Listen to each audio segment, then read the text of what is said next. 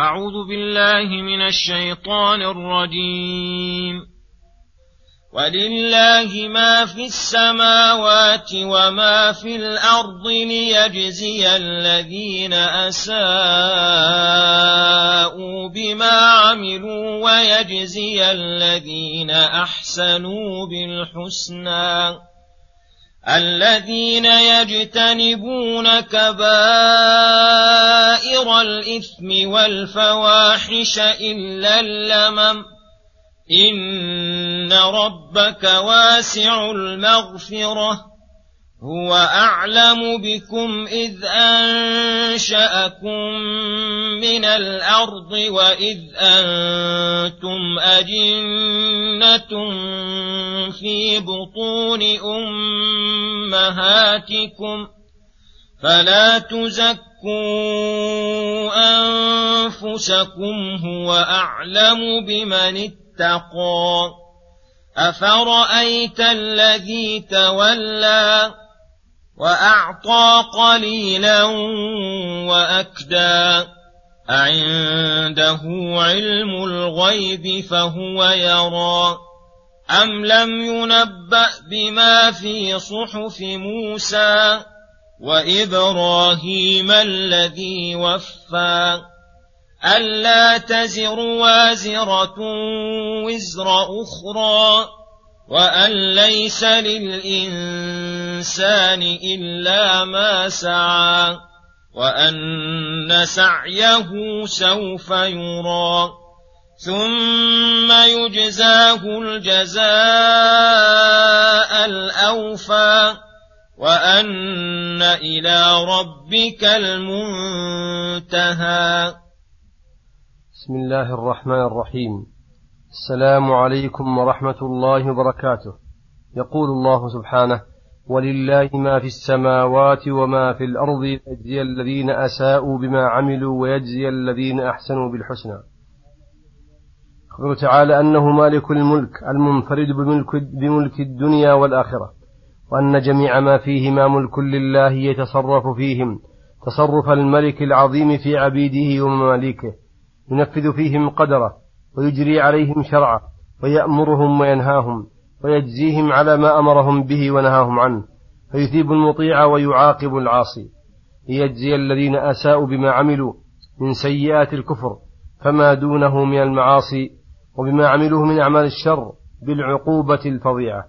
ويجزي الذين أحسنوا في عبادة الله تعالى وأحسنوا إلى خلق الله بأنواع المنافع بالحسنى أي بالحالة الحسنة في الدنيا والآخرة.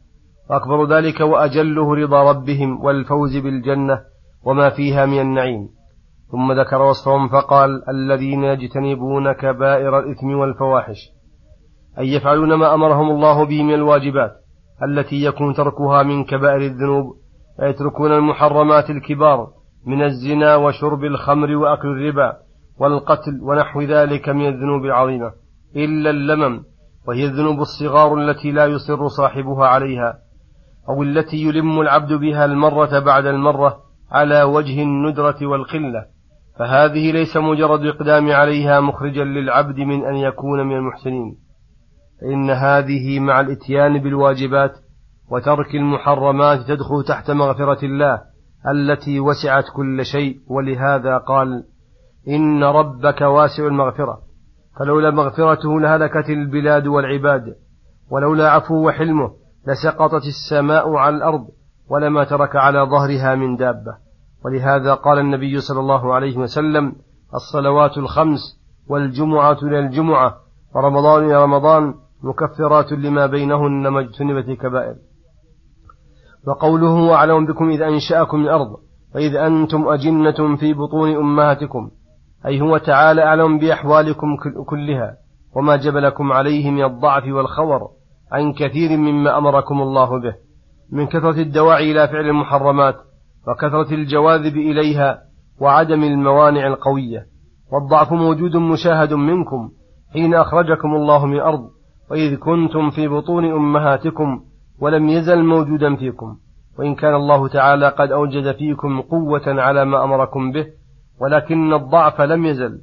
فلعلمه تعالى بأحوالكم هذه ناسبت الحكمة الإلهية والجود الرباني أن يتغمدكم برحمته ومغفرته وعفوه ويغمركم بإحسانه ويزيل عنكم الجرائم والمآثم. خصوصا إذا كان العبد مقصوده مرضاة ربه في جميع الأوقات وسعيه فيما يقرب إليه في أكثر الآنات وفراره من الذنوب التي يمقت بها عند مولاه ثم تقع منه الفلتة بعد الفلتة فإن الله تعالى أكرم الأكرمين وأجود الأجودين أرحم بعباده من الوالدة بولدها. فلا بد لمثل هذا أن يكون من مغفرة ربه قريبا وأن يكون الله له في جميع أحواله مجيبا. ولهذا قال تعالى فلا تزكوا أنفسكم. أي تخبرون الناس بطهارتها على وجه التمدح عندهم. هو أعلم بمن اتقى. فإن التقوى محلها القلب. والله هو المطلع عليه المجازي على ما فيه من بر وتقوى. وأما الناس فلا يغنون عنكم من الله شيئا. ثم يقول تعالى أفرأيت قبح حالة من أمر بعبادة ربي وتوحيده فتولى عن ذلك وأعرض عنه؟ فإن سمحت نفسه ببعض الشيء القليل فإنه لا يستمر عليه بل يبخل ويكدى ويمنع. فإن الإحسان ليس سجية له وطبعا بل طبعه التولي عن الطاعة وعدم الثبوت على فعل المعروف. ومع هذا فهو يزكي نفسه وينزلها غير منزلتها التي أنزلها الله بها. أعنده علم الغيب فهو يرى. الغيب فيخبر به. أم هو متقو على الله متجرئ عليه جامع بين المحذورين الإساءة والتزكية كما هو الواقع. لأنه قد علم أنه ليس عنده علم من الغيب وأنه لو قدر أنه ادعى ذلك فالإخبارات القاطعة عن علم الغيب التي على يد النبي المعصوم تدل على نقيض قوله وذلك دليل على بطلانه. أم لم ينبأ هذا المدعي بما في صحف موسى وإبراهيم الذي وفى أي قام بجميع ما ابتلاه الله به وأمره به من الشرائع وأصول الدين وفروعه. وفي تلك الصحف أحكام كثيرة من أهمها ما ذكره الله بقوله ألا تزر وازرة وزر أخرى وأن ليس للإنسان إلا ما سعى أي كل عامل له عمله الحسن والسيء فليس له من عمل غيره وسعيه شيء. ولا يتحمل أحد عن أحد ذنبا وأن سعيه سوف يرى في الآخرة فيميز حسنه, حسنه من سيئه ثم يجزاه الجزاء الأوفى. أي المستكمل لجميع العمل. الحسن الخالص بالحسنى والسيء الخالص بالسوء والمشوب بحسبه. جزاء تقر بعدله وإحسانه الخليقة كلها وتحمد الله عليه حتى إن أهل النار لا يدخلون النار. وإن قلوبهم مملوءة من حمد ربهم والإقرار له بكمال الحكمة ومقت أنفسهم وأنهم الذين أوصلوا أنفسهم وأوردوها شر الموارد. فاستدل بقوله وأن ليس للإنسان إلا ما سعى فوصول سعي غيره إليه مناف لذلك. وفي هذا الاستدلال نظر فإن الآية إنما تدل على أنه ليس للإنسان إلا ما سعى بنفسه وهذا حق لا خلاف فيه. وليس فيها ما يدل على أنه لا ينتفع بسعي غيره إذا أهداه ذلك الغير إليه كما أنه ليس للإنسان من المال إلا ما هو في ملكه وتحت يده. ولا يلزم من ذلك أن لا يملك ما وهبه الغير له من ماله الذي يملكه. وقوله وأن إلى ربك المنتهى أي إليه تنتهي الأمور وإليه تصير الأشياء والخلائق بالبعث والنشور وإلى الله المنتهى في كل حال. فإليه, فإليه ينتهي العلم والحكم والرحمة وسائر الكمالات. والله أعلم صلى الله وسلم على نبي محمد وعلى آله وصحبه أجمعين. وإلى الحلقة القادمة غدا إن شاء الله. والسلام عليكم ورحمة الله وبركاته.